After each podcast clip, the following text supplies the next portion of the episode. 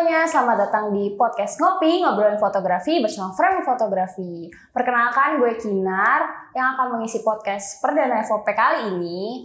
Eh, di sini gue nggak sendiri, gue ditemenin sama narasumber kece kita, asik kece.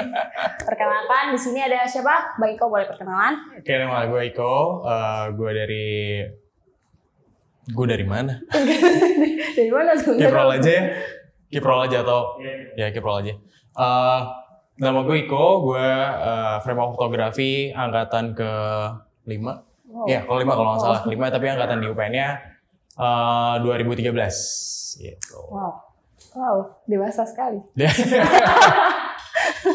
Aduh, aku masih muda banget. Uh, uh, kita bakal ngomongin apa kali ini? Kita bakal ngomongin apa nih, Bang Iko? Eh, mau ngobrolin tentang how to know your values eh, di fotografi sebagai fotografer lebih tepatnya. Gitu. Nih, Bang Iko, gue ada cerita. Gue Boleh. pernah waktu SMA, kan gue Hmm. kan ikut ekskul nih, fotografi. Terus kebetul, kebetulan nih teman gue ada yang minta tolong fotoin. Ya, Nah, tapi uh, gue nggak tahu nih cara ngasih red card buat foto gue karena Hmm. gue ngerasa skill gue belum belum kompeten, belum bagus banget gitu Iya. lah. Nah, karena temen nih, jadi gue ngasih harga temen ya 150 lah ya gitu, 150 Hmm, cepet ya, gitu. lah. Oke. Nah, Nah itu gimana tuh Bang Iko kalau misalnya kayak gitu? Oke. Sebenarnya kalau ngomongin value, eh, menurut gue ya, menurut gue sebelum jauh ke value tuh sebenarnya kita tahu dulu nih kalau misalnya bel- belum belum ngomongin red card ya, Iya. belum ngomongin eh, gue berapa nih kalau mau Wow. gue mau pakai jasa lo gitu kan. Biasanya tuh eh, sebelum ngomongin value tuh kita tahu dulu harus bukan bukan tahu tapi eh, harus keluar dulu dari eh, dunia teknis. Gimana tuh maksudnya? Jadi maksudnya eh, gimana orang menghargain eh, jasa lo kalau lo sendiri belum masih belum keluar dari eh, apa namanya dari belum belum keluar dari dunia teknis misalnya kayak oke lo dulu lo dulu les sama bisa motret Bisa? udah ngerti ISO shutter Ah, udah, udah udah. oke udah ngerti angle kemudian ngerti how to direct Kalau how to Model. direct, belum belum. kayak gitu-gitu Ah. kan. Jadi eh, apa namanya belum maksudnya gini eh, teman-teman mesti tahu dulu kalau misalnya udah di bisa dibilang punya value itu kalau misalnya lo udah tahu kapasitas lo udah sampai mana gitu. Misalnya kayak gini. eh, udah nih kita udah tahu.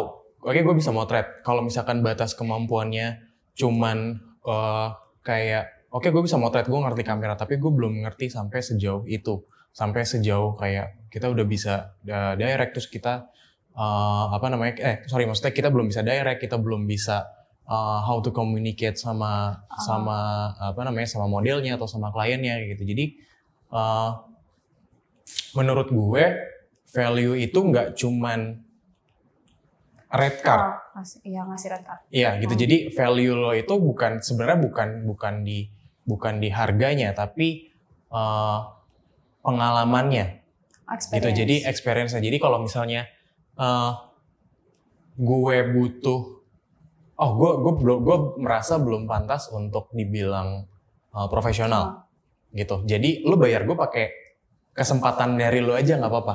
Oh iya, iya. gitu. Jadi eh, apa namanya misalnya ada orang yang gue mau lo bisa motret kan? Misalkan dia tahu kita megang kamera mulu jalan-jalan ke mana-mana Hmm. gitu kan. Terus eh, apa namanya kayak eh, bawa bawa kamera tiap pergi ke mana-mana dan dan lu- selalu lo yang diminta fotoin gitu. Tapi di situ lo belum belum profesional gitu. Jadi eh, dapat kesempatan motret sebagai profesional itu juga sebuah value sebenarnya gitu. Itu value tahap pertama. Nanti kalau misalkan udah apa namanya udah udah menguasai se- segala sesuatunya ya itu nanti tinggal lo nanti baru tuh masuk ke eh, dunia bisnisnya gitu. Jadi bisnis fotografi itu kan ada banyak ada lo bisa motret apa misalnya nanti kan ada hitungan-hitungan produksinya lagi gitu Eh baik kok. gue mau nanya lagi nih. Kalau Hmm. misalkan Bayu kan eh, lagi megang vendor wedding kan. Ya. Eh, eh, ini misalkan si pengantinnya nih, calon pengantinnya, Hmm. eh, biasanya rata-rata tuh pada fotonya di studio atau mereka minta di luar? un- pada saat apa? Pada saat wedding? Eh, priwet. Oh, priwet. Ah, priwet. Ah. Eh, banyak yang banyak yang beda-beda sebenarnya beda-beda karena eh, mereka tuh punya kalau misalkan mereka yang udah tahu mereka mau motret seperti apa atau ada cerita di balik eh, yang yang foto yang mau mereka buat gitu mereka biasanya udah tahu mas kita mau fotonya di sini ya Oh, iya, misalkan di iya. lokasi atau di atau di eh, luar kota yang yang yang kota itu jadi cerita buat mereka berdua gitu. Jadi treatmentnya tuh beda-beda. Ada yang eh, mereka Mas kita maunya di studio tapi pakai outfitnya wardrobe-nya seperti ini ya karena kita berdua eh, apa namanya eh, kerjanya di bagian ini gitu. Jadi eh, treatment klien tuh beda-beda. Tapi kalau misalkan mereka nggak tahu Mas kita mau prewed tapi kita nggak tahu nih Oh, fotonya iya, mau iya. kayak gimana Itu agak gitu. menyebalkan dan Eh, bingung gak sih? iya. Ya.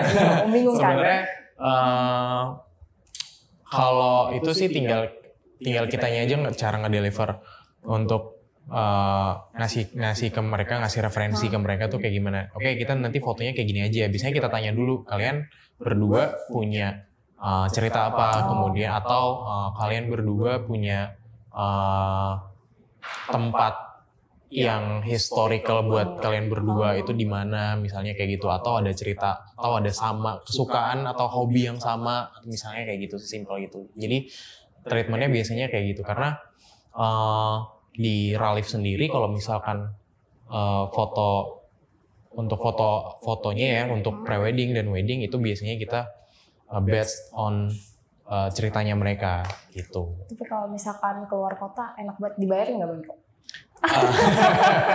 Kalau kalau keluar kota biasanya kita tetap hitung ha, kita tetap Oh. hitung produksi, kita tetap hitung uh, transport, Hmm. kemudian uh, akomodasinya ada kita nanti ada berapa tim yang berangkat, kemudian sama kliennya juga ada berapa kayak gitu. Itu tetap itu bisa bisa kita arrange gitu. Saya di IG Bang Iko yang yang khusus kayak khusus foto foto itu deh foto foto, Foto kayak wedding. iya terus ada pemandangan juga itu Oh, kan iya. bagus-bagus banget kan ah. Terus kayak aduh kamar ya kayak gini gitu kan tapi maunya gratis ke sananya itu kan seru banget gitu kan bisa lihat, lihat ada pantai terus Ah. pegunungan gitu Iya. Terus kalau misalnya bang Iko nih eh, pernah nggak punya pengalaman motoin orang Hmm. eh, di luar bisa di, di eh, pre-wedding atau wedding Hmm. atau di luar itu Hmm. yang benar-benar berkesan banget buat bang Iko yang sampai bilang ah, apa ya bisa bikin tuh bang Iko kayak aduh ini nih eh, value gue tuh di sini gitu Mhm. ada gak? Eh, ap- ba- sebenarnya kalau misalkan yang berkesan itu eh, lumayan banyak tapi gue merasa eh gue sebagai profesional adalah ya kesempatan waktu itu gue sempat gini eh, sempat diminta untuk motretin wedding Oh. untuk motret wedding yang adalah gue waktu itu belum pernah sama sekali motret wedding Itu pertama kali berarti itu ya? pertama kali Oh. pertama kali itu pertama kali banget motret wedding waktu itu kamera gue masih eh, kalau nggak salah Canon 5500 atau 60D gitu Itu kamera Itu kamera. kali atau enggak? kamera pertama gue Oh. waktu itu kamera pertama itu udah udah langsung dimintain untuk wedding alhamdulillah kliennya suka Oh. itu nah jadi eh, mulai dari situ gue eh, diajak nih sama senior-senior FOP juga yang lain untuk untuk apa namanya untuk motret eh, wedding kemudian gue ikut sana ikut vendor sini ikut vendor sana ikut vendor sini gitu jadi mulai gue ngerasa gue berkesannya itu ya itu sih pertama kali gue motret motret wedding itu kayak wah ternyata gini ya motret wedding kita akhirnya terus sampai sekarang Jadi udah kayak rasa, oh ini passion gue di sini gitu gak sih kayak ini gue Eh, bisa bergerak di sini nih gitu.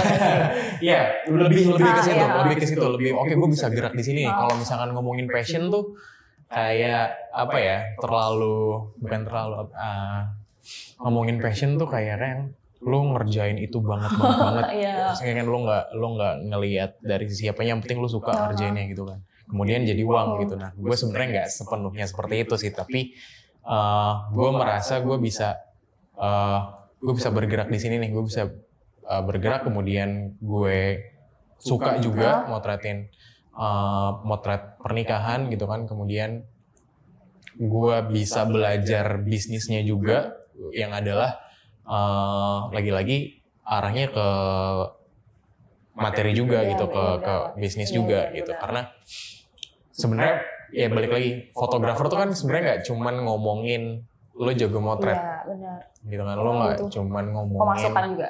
betul itu satu. Itu satu.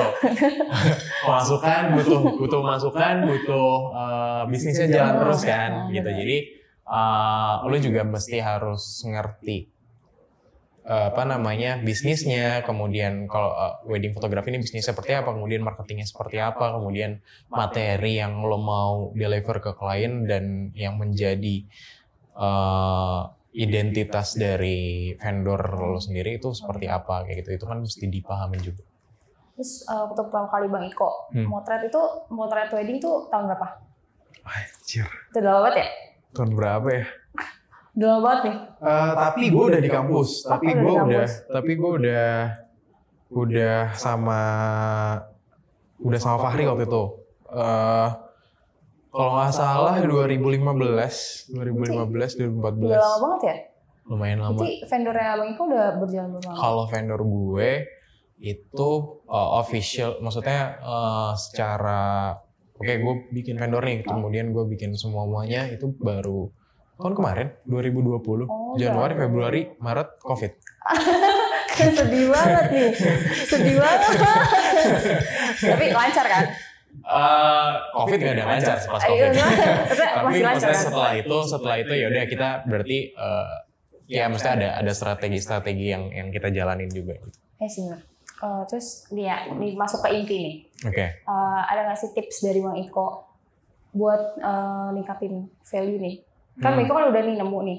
Iya. Kalau Iko kan udah nih, oh, gue ke wedding nih. Oke. Ke wedding. Terus kalau misalkan yang belum nemu nih, gimana Hmm. cara ngasih tips kasih tips ke teman-teman?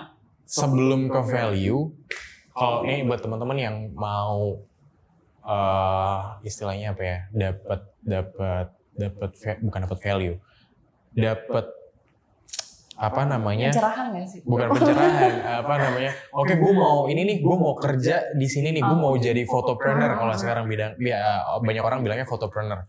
Eh, Oke, gue mau belajar fotografi, kemudian gue mau cari uang dari sini nih, misalnya kayak gitu.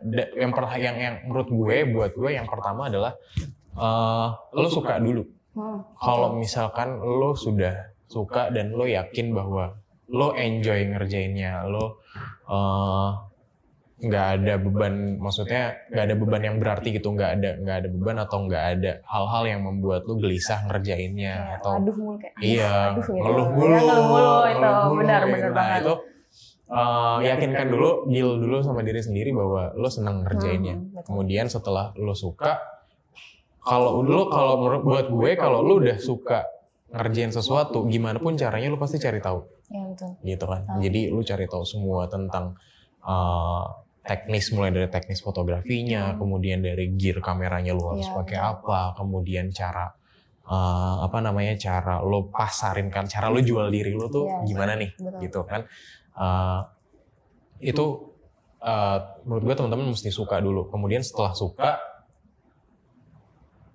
keluar dari uh, lingkup teknis yang tadi di awal gue udah bilang keluar dari lingkup teknis keluar dari lingkup teknis maksudnya Kalau dari zona nyaman bukan? Bukan. ya? Lebih ke lo uh, kalau menguasai dulu semua Oh, materi dari semua semua hal-hal basic, Iya, semua hal-hal teknis, semua hal-hal yang harusnya ini udah uh, yang apa hal-hal mendasar mengenai fotografi yang yang yang mau lo pelajarin gitu. Nggak semuanya mengenai fotografi. Yes. Misalnya gini, uh, kayak gue fotografi wedding. Berarti oke untuk wedding stand uh, basicnya uh, teknisnya harus kayak gimana nih? Kemudian gue baru dari situ pilih gearnya. Kemudian gue baru dari situ gue uh, apa namanya? Gue udah nggak mikirin shutter speed, ISO, kemudian diafragma, atau kemudian uh, lighting khusus untuk wedding seperti apa itu udah udah gue cari tahu dulu di awal. Setelah gue menguasai itu baru gue bisa uh, apa namanya berangkat sebagai uh, profesional gitu. Jadi kalau misalkan teman-teman uh, untuk gimana nih caranya buat cari cuan di fotografi gitu kan? Iya, betul. untuk cari untuk Butuh cari but ya kan? Kayak gitu. Nah intinya uh, di fotografi itu bukan bukan proses yang singkat sebenarnya. Bukan proses yang uh, pendek kemudian lo langsung bisa cepet kaya dari motret gitu. Iya. enggak juga. Gitu. Ada proses ya. betul ada prosesnya. Ada ada banyak hal di luar fotografi yang harus lo uh, lah yang harus lo kuasai juga gitu. Tapi untuk ke situ lo ngerti dulu, lo lo cari dulu feel feel di uh, lo sebagai fotografer, kemudian lo sukanya di mana? Lo gue sukanya oke gue mau moto food karena gue suka makan. Iya, betul. Gitu misalkan gitu atau gue mau motret hmm, Pemandangan. uh, pemandangan misalnya atau gue mau karena gue suka jalan-jalan Iya. gitu kan. Berarti kan lo mikirin mikirin uh, apa namanya? gear. Berarti gue harus pakai kameranya kayak apa nih? Gue gue harus pakai uh, apa namanya?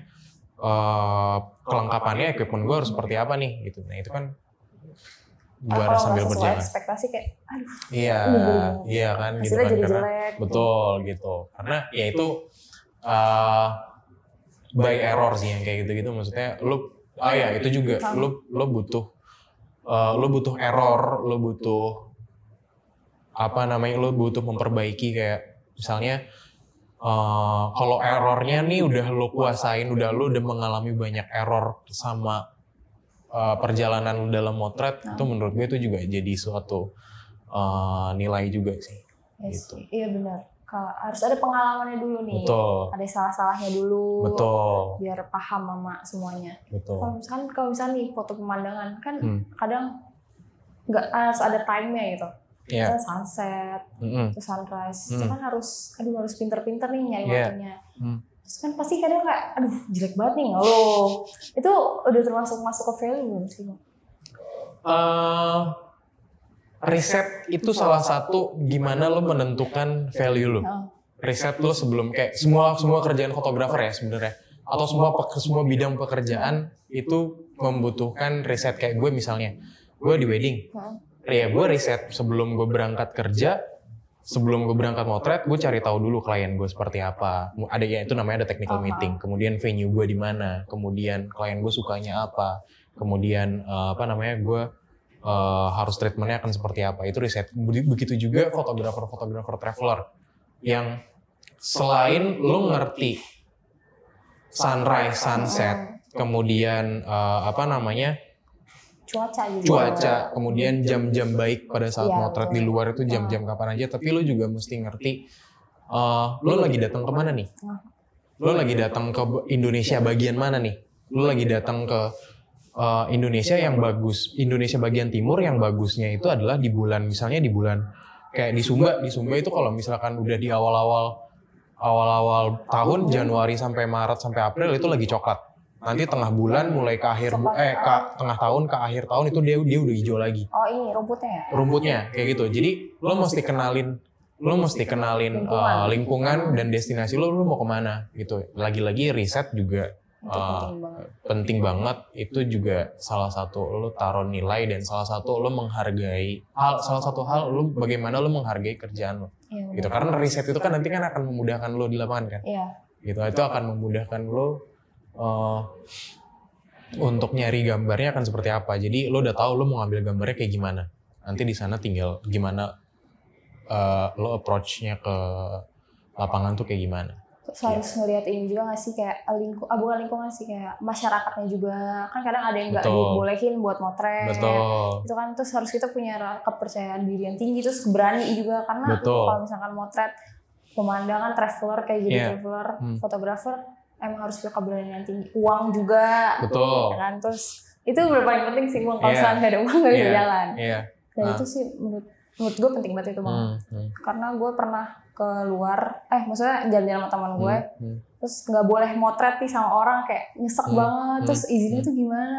Kan kadang Hmm. soal harus pakai surat izin kan. Iya, iya. nah itu tuh bingung banget.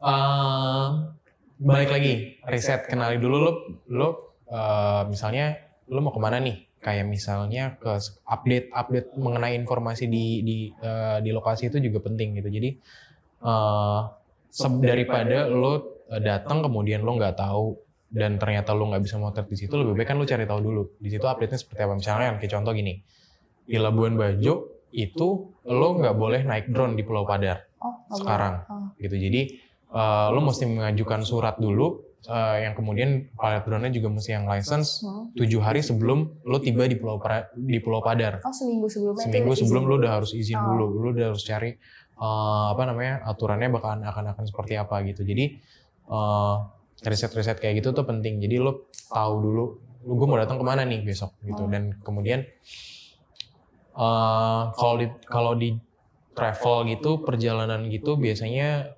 eh, melibatkan melibatkan orang lokal juga Ya. satu hal yang penting sih jadi lo tanya sama orang lokal ini kalau ke sini kayak gimana kalau ke sini aturannya gimana mau ke desa ini harus ngambil gambarnya seperti apa boleh nggak kayak gini kayak gitu ya aturan aturan lokal gitu itu juga harus diperhatiin Ya, penting banget itu. Harus dari tapi ujungnya keberanian diri sendiri sih bang. betul Karena betul kalau karena berani berani komunikasi benar. kemudian berani untuk tanya Ah, sesimpel untuk adaptasi tanya juga. adaptasi betul kayak gitu karena kadang ada yang udah sendiri nih ke sana. Kan Hmm. nggak mungkin sendiri kan harus ngajak Hmm. temen. Iya. Terus temennya nggak boleh yang ah mager ah mager ah. Iya. gitu. Itu kan gak enak banget jalan kayak Iya, gitu. kan. ah, ah. Mendingan jalan sendiri ah ngajak temen tuh bang. kalau gue kalau gue gue lebih memilih jalan sendiri tapi kalau misalkan memang harus sama temen Hmm. em, paling enggak eh, gue sama partner yang satu frekuensi Iya, sama gue. Tapi susah loh nyari partner. susah satu- susah satu memang susah banget bahkan eh, yang sering main bareng atau yang sering atau atau yang yang apa namanya misalnya lu udah temenan dari dari bayi nih Iya, gitu kan. belum tentu dia bisa lo ajak eh, pergi bareng Oh, atau kerja bareng iya. itu kan belum tentu gitu. Jadi. Iya gitu. Jadi eh, paling enggak gue ngajak orang yang satu frekuensi dulu sama gue yang yang yang kita sepakat ketika kita mau ngapain kita diskusi dulu nih Oh. gitu. Jadi intinya satu frekuensi.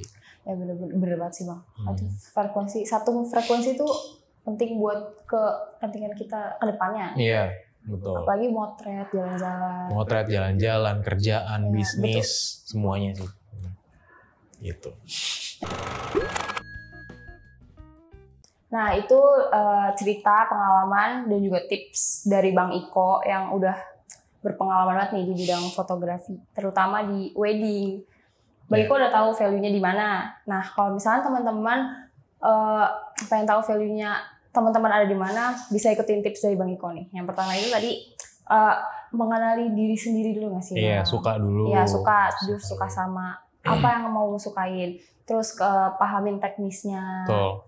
Terus juga risetnya, cari riset riset buat mengembangkan apa bang diri sendiri gak sih? Bisa untuk untuk eh, riset untuk eh, gimana caranya fotonya foto lo biar Ah, bisa beda iya, misalnya benar. kayak gitu. Jadi kayak ada eh, kesan unik dari diri sendiri. Iya. Terus juga apa ya, udah itu doang kan? ya itu aja sih kalau untuk untuk sebelum lo buat gue sebelum lo uh, tahu value kemudian sebelum lo pasang harga Oh. untuk jasa lo lo mesti kuasain itu dulu Ya benar. Karena kalau misalkan tiba-tiba pasang harga, harga kan nggak mungkin banget kayak misalnya satu juta nih, gue mau ini. eh hasilnya apaan nih begini doang? Iya. Kan ada nih anak FOP juga kan yang virtual fotografi lah tuh. Nah, nah kan Kak Aida kan keren banget tuh. nah contoh-contoh kakak Aida gitu. Ini gue puji dia di sini. Kayak gitu, harus netapin red card juga penting. ya Karena kita kan juga butuh apa ya kayak kita beli kamera kan, ya betul kan ada harganya. Betul. Tolong hargain kita juga kan. Tapi kalau nggak dibayar ya nggak apa sih. Hmm. Terus abis itu mungkin itu aja kali ya podcast perdana dari uh, Frame of Photography kali ini. Oke, sekian uh, podcast perdana dari Ngopi ngobrol fotografi bersama Frame of Photography kali ini bersama Ya. narasumber kece kita, Bang Iko. Kalian nih, Bang Iko mau promosi IG gak? Boleh? Boleh? Promosi. Nih, boleh kan nih? Ah, boleh boleh, Boleh kan? follow di uh, @ralif story @ralif.story Instagram gue @ikoresandika atau yang satu lagi atau proklor Aneh banget. @proklor Nah itu dia. Nah semoga teman-teman nih bisa ngambil eh, tips dari Bang Iko yang udah berpengalaman banget di bidang di bidangnya. Iya. Terus juga semoga teman-teman tahu value teman-teman setelah dengerin podcast perdana dari FOP ini. Ngopi ngobrolin fotografi. bersama Frame of Photography. Sampai jumpa teman-teman Dadah. semua. Dadah.